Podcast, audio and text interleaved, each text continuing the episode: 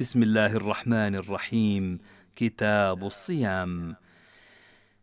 باب ما جاء في رؤية الهلال للصوم والفطر في رمضان. حدثني يحيى عن مالك عن نافع عن عبد الله بن عمر أن رسول الله صلى الله عليه وسلم ذكر رمضان فقال لا تصوموا حتى تروا الهلال ولا تفطروا حتى تروه فإن غم عليكم فاقدروا له وحدثني عن مالك عن عبد الله بن دينار عن عبد الله بن عمر أن رسول الله صلى الله عليه وسلم قال الشهر تسع وعشرون فلا تصوموا حتى تروا الهلال ولا تفطروا حتى تروه فإن غم عليكم فاقدروا له. وحدثني عن مالك عن ثور بن زيد الديلي عن عبد الله بن عباس أن رسول الله صلى الله عليه وسلم ذكر رمضان فقال لا تصوموا حتى تروا الهلال ولا تفطروا حتى تروه فإن غم عليكم فأكملوا العدة ثلاثين. وحدثني عن مالك أنه بلغاه أن الهلال رؤي في زمان عثمان بن عفان بعشي فلم يفطر عثمان حتى أمسى وغابت الشمس. قال يحيى سمعت مالكا يقول في الذي يرى هلال رمضان وحده أنه يصوم لا ينبغي له أن يفطر وهو يعلم أن ذلك اليوم من رمضان. قال ومن رأى هلال شوال وحده فإنه لا يفطر لأن الناس يتهمون على أن يفطر منهم من ليس مأمونا ويقول أولئك إذا ظهر عليهم قد راينا الهلال ومن راى هلال شوال نهارا فلا يفطر ويتم صيام يومه ذلك فانما هو هلال الليلة التي تاتي. قال يحيى وسمعت مالكا يقول اذا صام الناس يوم الفطر وهم يظنون انه من رمضان فجاءهم ثبت ان هلال رمضان قد رؤي قبل ان يصوموا بيوم وأن يومهم ذلك أحد وثلاثون فإنهم يفطرون في ذلك اليوم أية ساعة جاءهم الخبر غير أنهم لا يصلون صلاة العيد إن كان ذلك جاءهم بعد زوال الشمس. باب من أجمع الصيام قبل الفجر. حدثني يحيى عن مالك عن نافع عن عبد الله بن عمر أنه كان يقول لا يصوم إلا من أجمع الصيام قبل الفجر. وحدثني عن مالك عن ابن شهاب عن عائشة وحفصة زوجي النبي صلى الله عليه وسلم بمثل ذلك. باب ما جاء في تعجيل الفطر. حدثني يحيى عن مالك عن أبي حازم بن دينار عن سهل بن سعد الساعدي أن رسول الله صلى الله عليه وسلم قال لا يزال الناس بخير ما عجلوا الفطر. وحدثني عن مالك عن عبد الرحمن بن حرملة الأسلمي عن سعيد بن المسيب أن رسول الله صلى الله عليه وسلم قال لا يزال الناس بخير ما عجلوا الفطر. وحدثني عن مالك عن ابن شهاب عن حميد بن عبد الرحمن أن عمر بن الخطاب وعثمان بن عفان كانا يصليان المغرب حين ينظران إلى الليل الأسود قبل أن يفطرا ثم يفطران بعد الصلاة وذلك في رمضان. باب ما جاء في صيام الذي يصبح جنبا في رمضان.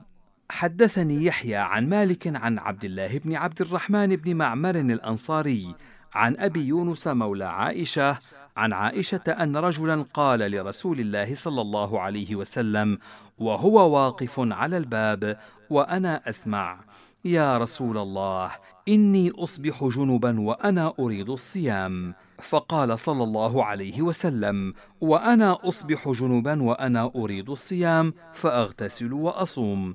فقال له الرجل يا رسول الله إنك لست مثلنا قد غفر الله لك ما تقدم من ذنبك وما تأخر. فغضب رسول الله صلى الله عليه وسلم وقال والله إني لأرجو أن أكون أخشاكم لله وأعلمكم بما أتقي. وحدثني عن مالك عن عبد ربه بن سعيد عن أبي بكر ابن عبد الرحمن بن الحارث بن هشام عن عائشة وأم سلمة زوجي النبي صلى الله عليه وسلم أنهما قالتا كان رسول الله صلى الله عليه وسلم يصبح جنبا من جماع غير احتلام في رمضان ثم يصوم. وحدثني عن مالك عن سمي مولى أبي بكر بن عبد الرحمن بن الحارث بن هشام أنه سمع أبا بكر بن عبد الرحمن بن الحارث بن هشام يقول كنت أنا وأبي عند مروان بن الحكم وهو أمير المدينة فذكر له أن أبا هريرة يقول من أصبح جنبا أفطر ذلك اليوم؟ فقال مروان أقسمت عليك يا عبد الرحمن لتذهبن إلى أمي المؤمنين عائشة وأم سلمة فلتسألنهما عن ذلك. فذهب عبد الرحمن وذهبت معه حتى دخلنا على عائشة فسلم عليها ثم قال يا أم المؤمنين إنا كنا عند مروان بن الحكم فذكر له أن أبا هريرة يقول من أصبح جنبا افطر ذلك اليوم؟ قالت عائشة ليس كما قال أبو هريرة. يا عبد الرحمن أترغب عما كان رسول الله صلى الله عليه وسلم يصنع؟ فقال عبد الرحمن لا والله. قالت عائشة فأشهد على رسول الله صلى الله عليه وسلم أنه كان يصبح جنبا من جماع غير احتلام ثم يصوم ذلك اليوم. قال ثم خرجنا حتى دخلنا على أم سلمة فسألها عن ذلك فقالت مثل ما قالت عائشة. قال فخرجنا حتى جئنا مروان بن الحكم فذكر له عبد الرحمن ما قالتا. فقال مروان أقسمت عليك يا أبا محمد لتركبن دابتي فإنها بالباب فلتذهبن إلى أبي هريرة فإنه بأرضه بالعقيق فلتخبرنه ذلك. فركب عبد الرحمن وركبت معه حتى أتينا أبا هريرة. فتحدث معه عبد الرحمن ساعة ثم ذكر له ذلك فقال أبو هريرة لا علم لي بذاك إنما اخبرنيه مخبر. وحدثني عن مالك عن سمي مولى أبي بكر عن أبي بكر بن عبد الرحمن عن عائشة وأم سلمة زوجي النبي صلى الله عليه وسلم أنهما قالتا إن كان رسول الله صلى الله عليه وسلم ليصبح جنبا من جماع غير احتلام ثم يصوم. باب ما جاء في الرخصة في القبلة للصائم. حدثني يحيى عن مالك عن زيد بن أسلم عن عطاء بن يسار أن رجلا قبل امرأته وهو صائم في رمضان فوجد من ذلك وجدا شديدا. فأرسل امرأته تسأل له عن ذلك فدخلت على أم سلمة زوج النبي صلى الله عليه وسلم فذكرت ذلك لها فأخبرتها أم سلمة أن رسول الله صلى الله عليه وسلم يقبل وهو صائم فرجعت فأخبرت زوجها بذلك فزاده ذلك شرا وقال لسنا مثل رسول الله صلى الله عليه وسلم الله يحل لرسول الله صلى الله عليه وسلم ما شاء.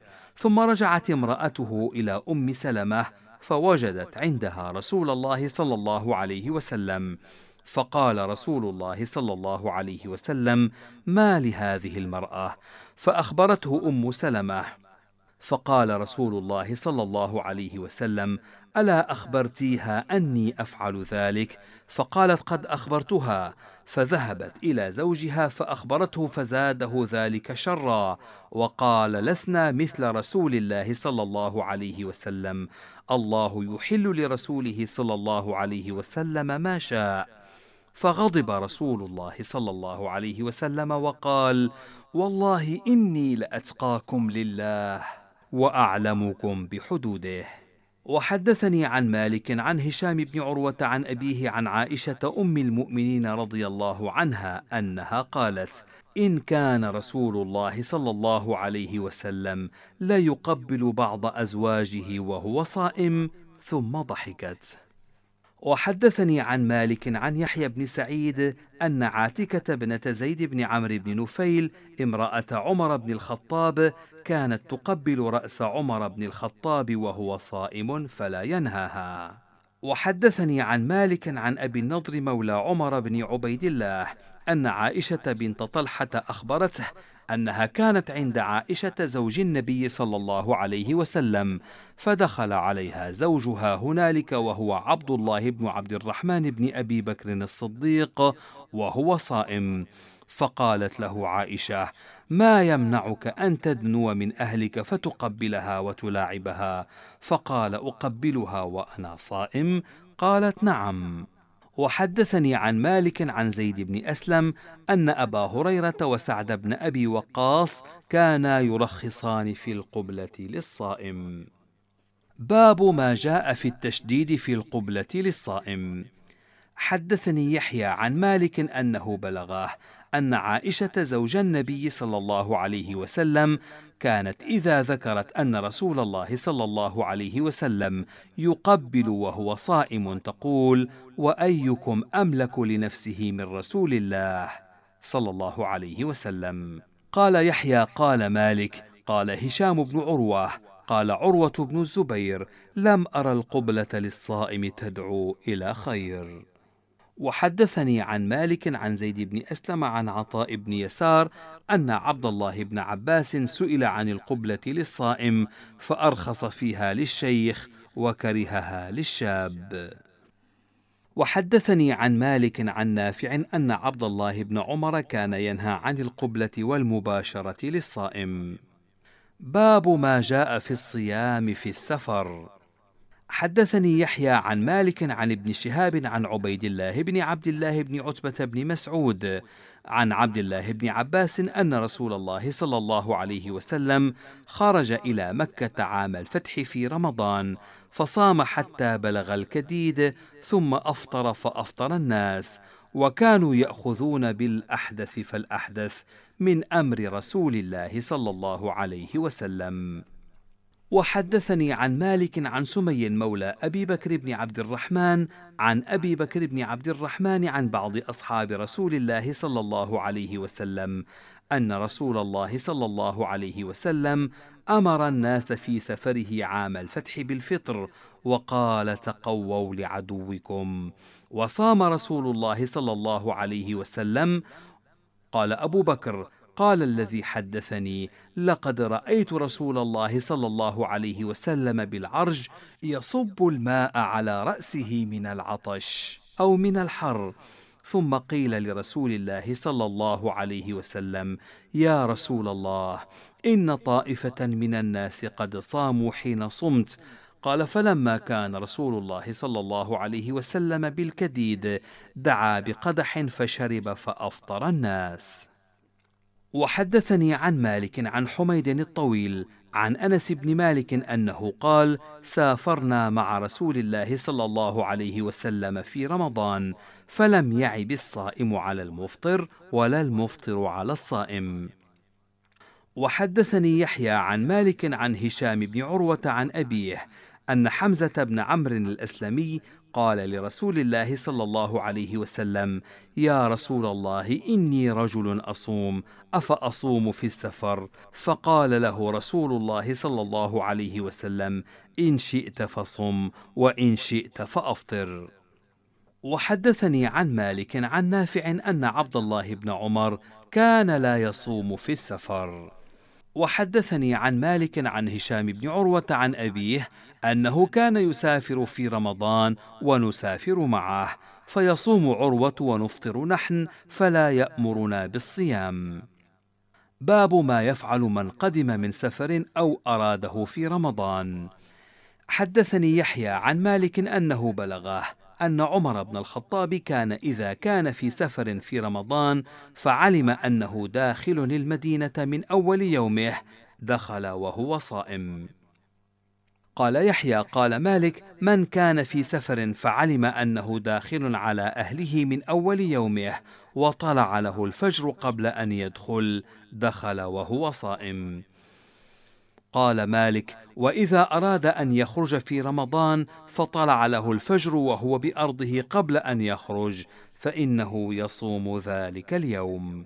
قال مالك في الرجل يقدم من سفره وهو مفطر وامرأته مفطرة حين طهرت من حيضها في رمضان أن لزوجها أن يصيبها إن شاء. باب كفارة من أفطر في رمضان. حدثني يحيى عن مالك عن ابن شهاب عن حميد بن عبد الرحمن بن عوف عن أبي هريرة أن رجلا أفطر في رمضان فأمره رسول الله صلى الله عليه وسلم أن يكفر بعتق رقبة أو صيام شهرين متتابعين أو إطعام ستين مسكينا. فقال لا أجد. فأتي رسول الله صلى الله عليه وسلم بعرق تمر فقال خذ هذا فتصدق به. فقال يا رسول الله ما أجد أحوج مني. فضحك رسول الله صلى الله عليه وسلم حتى بدت أنيابه ثم قال كله. وحدثني عن مالك عن عطاء بن عبد الله الخراساني عن سعيد بن المسيب أنه قال جاء أعرابي إلى رسول الله صلى الله عليه وسلم يضرب نحره وينتف شعره. ويقول هلك الأبعد؟ فقال له رسول الله صلى الله عليه وسلم وما ذاك؟ فقال أصبت أهلي وأنا صائم في رمضان. فقال له رسول الله صلى الله عليه وسلم هل تستطيع أن تعتق رقبة؟ فقال لا. قال هل تستطيع أن تهدي بدنه؟ قال لا. قال فاجلس.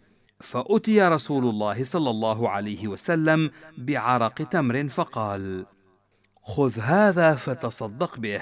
فقال ما أحد أحوج مني. فقال كله وصم يوما مكان ما أصبت. قال مالك قال عطاء فسألت سعيد بن المسيب كم في ذلك العرق من التمر فقال ما بين خمسة عشر صاعا إلى عشرين.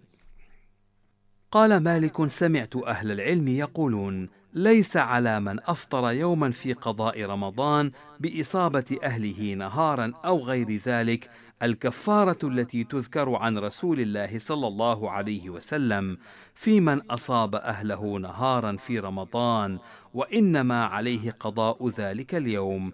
قال مالك وهذا أحب ما سمعت فيه إلي. باب ما جاء في حجامة الصائم. حدثني يحيى عن مالك عن نافع عن عبد الله بن عمر أنه كان يحتجم وهو صائم. قال ثم ترك ذلك بعد فكان إذا صام لم يحتجم حتى يفطر وحدثني عن مالك عن ابن شهاب أن سعد بن أبي وقاص وعبد الله بن عمر كانا يحتجمان وهما صائمان. وحدثني عن مالك عن هشام بن عروة عن أبيه أنه كان يحتجم وهو صائم ثم لا يفطر. قال وما رأيته احتجم قط إلا وهو صائم. قال مالك لا تكره الحجامة للصائم إلا خشية من أن يضعف ولولا ذلك لم تكره. ولو أن رجلا احتجم في رمضان ثم سلم من أن يفطر لم أرى عليه شيئا ولم آمره بالقضاء لذلك اليوم الذي احتجم فيه لأن الحجامة إنما تكره للصائم لموضع التغرير بالصيام فمن احتجم وسلم من أن يفطر حتى يمسي فلا أرى عليه شيئا وليس عليه قضاء ذلك اليوم. باب صيام يوم عاشوراء. حدثني يحيى عن مالك عن هشام بن عروة عن أبيه عن عائشة زوج النبي صلى الله عليه وسلم أنها قالت كان يوم عاشوراء يوما تصومه قريش في الجاهلية وكان رسول الله صلى الله عليه وسلم يصومه في الجاهلية. فلما قدم رسول الله صلى الله عليه وسلم المدينة صامه وأمر بصيامه. فلما فرض رمضان كان هو الفريضة وترك يوم عاشوراء فمن شاء صامه ومن شاء تركه. وحدثني عن مالك عن ابن شهاب عن حميد بن عبد الرحمن بن عوف أنه سمع معاوية بن أبي سفيان يوم عاشوراء عام حج وهو على المنبر يقول يا أهل المدينة أين علماؤكم؟ سمعت رسول الله صلى الله عليه وسلم يقول لهذا اليوم هذا يوم عاشوراء. ولم يكتب عليكم صيامه وأنا صائم فمن شاء فليصم ومن شاء فليفطر. وحدثني عن مالك أنه بلغه أن عمر بن الخطاب أرسل إلى الحارث بن هشام أن غدا يوم عاشوراء فصم وأمر أهلك أن يصوموا. باب صيام يوم الفطر والأضحى والدهر. حدثني يحيى عن مالك عن محمد بن يحيى بن حبان عن الأعرج عن أبي هريرة أن رسول الله صلى الله عليه وسلم نهى عن صيام يومين يوم الفطر ويوم الأضحى. وحدثني عن مالك أنه سمع أهل العلم يقولون لا بأس بصيام الدهر إذا أفطر الأيام التي نهى رسول الله صلى الله عليه وسلم عن صيامها وهي أيام منى ويوم الأضحى ويوم الفطر فيما بلغنا. قال وذلك أحب ما سمعت إلي في ذلك. باب النهي عن الوصال في الصوم. حدثني يحيى عن مالك عن نافع عن عبد الله بن عمر أن رسول الله صلى الله عليه وسلم نهى عن الوصال فقالوا يا رسول الله إنك تواصل فقال إني لست كهيئتكم إني أطعم وأسقى. وحدثني عن مالك عن أبي الزناد عن الأعرج عن أبي هريرة أن رسول الله صلى الله عليه وسلم قال إياكم والوصال إياكم والوصال قالوا فإنك تواصل يا رسول الله. قال إني لست كهيئتكم إني أبيت يطعمني ربي ويسقيني. باب صيام الذي يقتل خطأ أو يتظاهر. حدثني يحيى وسمعت مالكا يقول أحسن ما سمعت في من وجب عليه صيام شهرين متتابعين في قتل خطأ أو تظاهر فعرض له مرض يغلبه ويقطع عليه صيامه. أنه إن صح من مرضه وقوي على الصيام فليس له أن يؤخر ذلك وهو يبني على ما قد مضى من صيامه. وكذلك المرأة التي يجب عليها الصيام في قتل النفس خطأ إذا حاضت بين ظهري صيامها أنها إذا طهرت لا تؤخر الصيام وهي تبني على ما قد صامت وليس لأحد وجب عليه صيام شهرين متتابعين في كتاب الله أن يفطر إلا من علة مرض أو حيضة وليس له أن يسافر فيفطر. قال مالك وهذا أحسن ما سمعت في ذلك. باب ما يفعل المريض في صيامه. قال يحيى سمعت مالكا يقول الأمر الذي سمعت من أهل العلم أن المريض إذا أصابه المرض الذي يشق عليه الصيام معه ويتعبه ويبلغ ذلك منه فإن له أن يفطر. وكذلك المريض الذي اشتد عليه القيام في الصلاة وبلغ منه وما الله أعلم بعذر ذلك من العبد ومن ذلك ما لا تبلغ صفته فإذا بلغ ذلك صلى وهو جالس ودين الله يسر وقد أرخص الله للمسافر في الفطر في السفر وهو أقوى على الصيام من المريض قال الله تعالى في كتابه فمن كان منكم مريضا أو على سفر فعدة من أيام أخر فأرخص الله للمسافر في الفطر في السفر وهو أقوى على الصوم من المريض فهذا أحب ما سمعت الي وهو الأمر المجتمع عليه. باب النذر في الصيام والصيام عن الميت. حدثني يحيى عن مالك أنه بلغاه عن سعيد بن المسيب أنه سئل عن رجل نذر صيام شهر هل له أن يتطوع؟ فقال سعيد ليبدأ بالنذر قبل أن يتطوع. قال مالك وبلغني عن سليمان بن يسار مثل ذلك. قال مالك من مات وعليه نذر من رقبة يعتقها أو صيام أو صدقة أو بدنة فأوصى بأن يوفى ذلك عنه من ماله. فإن الصدقة والبدنة في ثلثه وهو يبدى على ما سواه من الوصايا إلا ما كان مثله وذلك أنه ليس الواجب عليه من النذور وغيرها كهيئة ما يتطوع به مما ليس بواجب وإنما يجعل ذلك في ثلثه خاصة دون رأس ماله. لأنه لو جاز له ذلك في رأس ماله لأخر المتوفى مثل ذلك من الأمور الواجبة عليه حتى إذا حضرته الوفاة وصار المال لورثته. سمى مثل هذه الأشياء التي لم يكن يتقاضاها منه متقاض. فلو كان ذلك جائزا له أخر هذه الأشياء حتى إذا كان عند موته سماها وعسى أن يحيط بجميع ماله فليس ذلك له. وحدثني عن مالك أنه بلغه أن عبد الله بن عمر كان يسأل هل يصوم أحد عن أحد أو يصلي أحد عن أحد؟ فيقول لا يصوم أحد عن أحد ولا يصلي أحد عن أحد.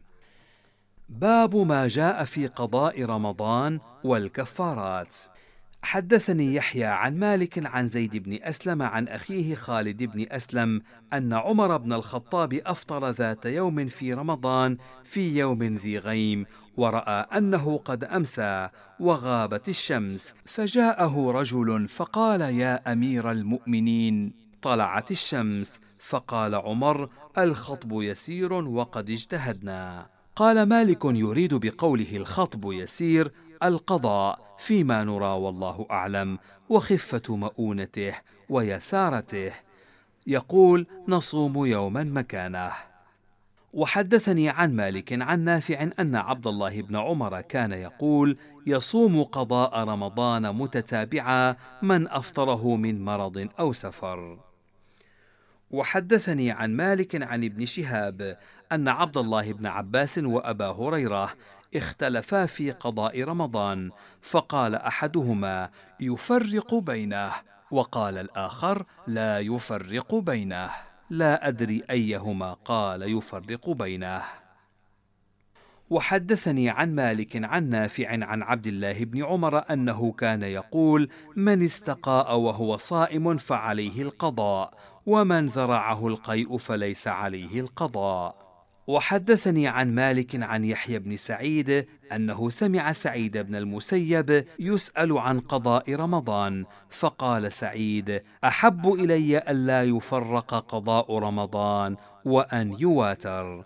قال يحيى سمعت مالكا يقول في من فرق قضاء رمضان فليس عليه إعادة وذلك مجزئ عنه وأحب ذلك إلي أن يتابعه. قال مالك من أكل أو شرب في رمضان ساهيا أو ناسيا أو ما كان من صيام واجب عليه أن عليه قضاء يوم مكانه. وحدثني عن مالك عن حميد بن قيس المكي أنه أخبره قال كنت مع مجاهد وهو يطوف بالبيت فجاءه إنسان فسأله عن صيام أيام الكفارة أمتتابعات أم يقطعها؟ قال حميد فقلت له نعم يقطعها إن شاء. قال مجاهد لا يقطعها. فإنها في قراءة أبي بن كعب ثلاثة أيام متتابعات. قال مالك وأحب إلي أن يكون ما سمى الله في القرآن يصام متتابعا. وسئل مالك عن المرأة تصبح صائمة في رمضان فتدفع دفعة من دم عبيط في غير أوان حيضها ثم تنتظر حتى تمسي أن ترى مثل ذلك فلا ترى شيئا ثم تصبح يوما آخر فتدفع دفعة أخرى وهي دون الأولى ثم ينقطع ذلك عنها قبل حيضها بأيام فسئل مالك كيف تصنع في صيامها وصلاتها قال مالك ذلك الدم من الحيضة. فإذا رأته فلتفطر ولتقض ما أفطرت. فإذا ذهب عنها الدم فلتغتسل وتصوم. وسئل عمن أسلم في آخر يوم من رمضان هل عليه قضاء رمضان كله أو يجب عليه قضاء اليوم الذي أسلم فيه؟ فقال ليس عليه قضاء ما مضى وإنما يستأنف الصيام فيما يستقبل وأحب إلي أن يقضي اليوم الذي أسلم فيه. باب قضاء التطوع. حدثني يحيى عن مالك عن ابن شهاب أن عائشة وحفصة زوجي النبي صلى الله عليه وسلم أصبحتا صائمتين متطوعتين فأهدي لهما طعام فأفطرتا عليه فدخل عليهما رسول الله صلى الله عليه وسلم. قالت عائشة فقالت حفصة وبدرتني بالكلام. وكانت بنت أبيها يا رسول الله إني أصبحت أنا وعائشة صائمتين متطوعتين فأهدي إلينا طعام فأفطرنا عليه. فقال رسول الله صلى الله عليه وسلم اقضيا مكانه يوما آخر. قال يحيى سمعت مالكا يقول من أكل أو شرب ساهيا أو ناسيا في صيام تطوع فليس عليه قضاء وليتم يومه الذي أكل فيه أو شرب وهو متطوع ولا يفطره. وليس على من أصابه أمر يقطع صيامه وهو متطوع قضاء إذا كان إنما أفطر من عذر غير متعمد للفطر. ولا أرى عليه قضاء صلاة نافلة إذا هو قطعها من حدث لا يستطيع حبسه مما يحتاج فيه إلى الوضوء. قال مالك ولا ينبغي أن يدخل الرجل في شيء من الأعمال الصالحة الصلاة والصيام والحج وما أشبه هذا من الأعمال الصالحة التي يتطوع بها الناس فيقطعه حتى يتمه على سنته إذا كبر لم ينصرف حتى يصلي ركعتين. وإذا صام لم يفطر حتى يتم صيام يومه وإذا أهل لم يرجع حتى يتم حجه وإذا دخل في الطواف لم يقطعه حتى يتم سبوعه ولا ينبغي أن يترك شيئا من هذا إذا دخل فيه حتى يقضيه. إلا من أمر يعرض له مما يعرض للناس من الأسقام التي يعذرون بها والأمور التي يعذرون بها. وذلك أن الله تبارك وتعالى يقول في كتابه وكلوا واشربوا حتى يتبين لكم الخيط الأبيض من الخيط الأسود من الفجر ثم أتموا الصيام إلى الليل.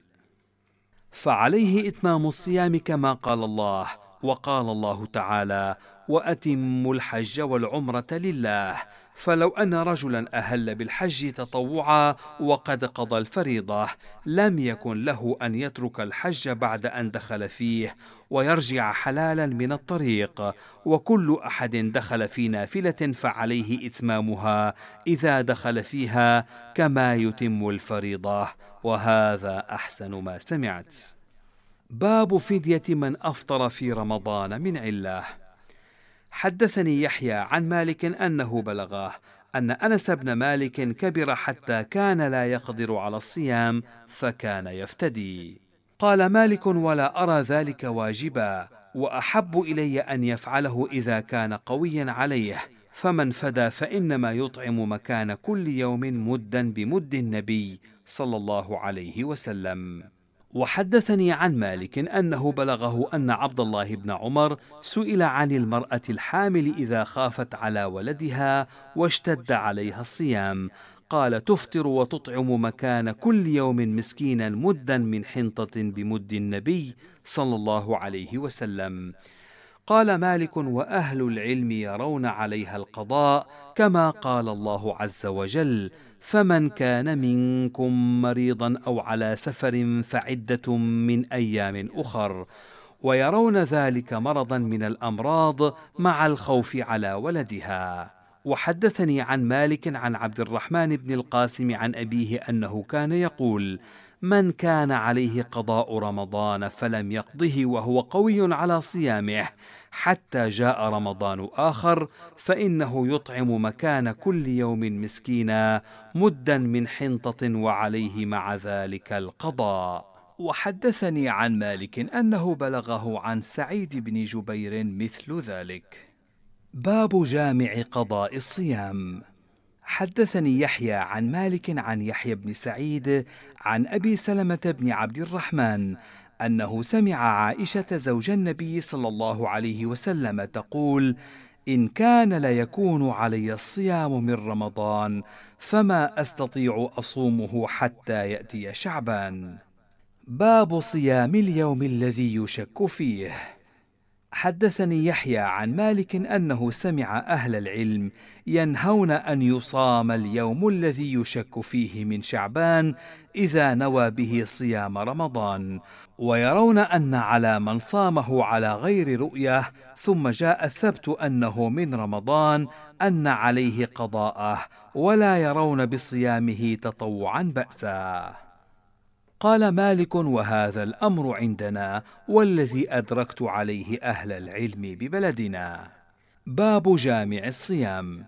حدثني يحيى عن مالك عن أبي النضر مولى عمر بن عبيد الله عن أبي سلمة بن عبد الرحمن عن عائشة زوج النبي صلى الله عليه وسلم أنها قالت كان رسول الله صلى الله عليه وسلم يصوم حتى نقول لا يفطر ويفطر حتى نقول لا يصوم. وما رأيت رسول الله صلى الله عليه وسلم استكمل صيام شهر قط إلا رمضان وما رأيته في شهر أكثر صياما منه في شعبان. وحدثني عن مالك عن أبي الزناد عن الأعرج عن أبي هريرة أن رسول الله صلى الله عليه وسلم قال الصيام جنة فإذا كان أحدكم صائما فلا يرفث ولا يجهل فإن امرؤ قاتله أو شاتمه فليقل إني صائم إني صائم.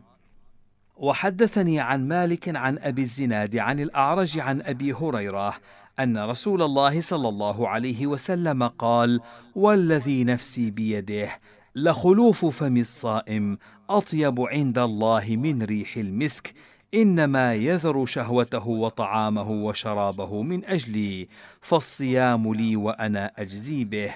كل حسنة بعشر أمثالها إلى سبعمائة ضعف إلا الصيام فهو لي وأنا أجزي به.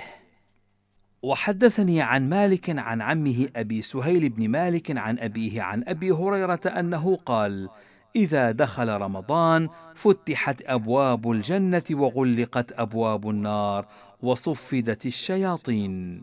وحدثني عن مالك أنه سمع أهل العلم لا يكرهون السواك للصائم في رمضان في ساعة من ساعات النهار لا في أوله ولا في آخره ولم أسمع أحدا من أهل العلم يكره ذلك ولا ينهى عنه.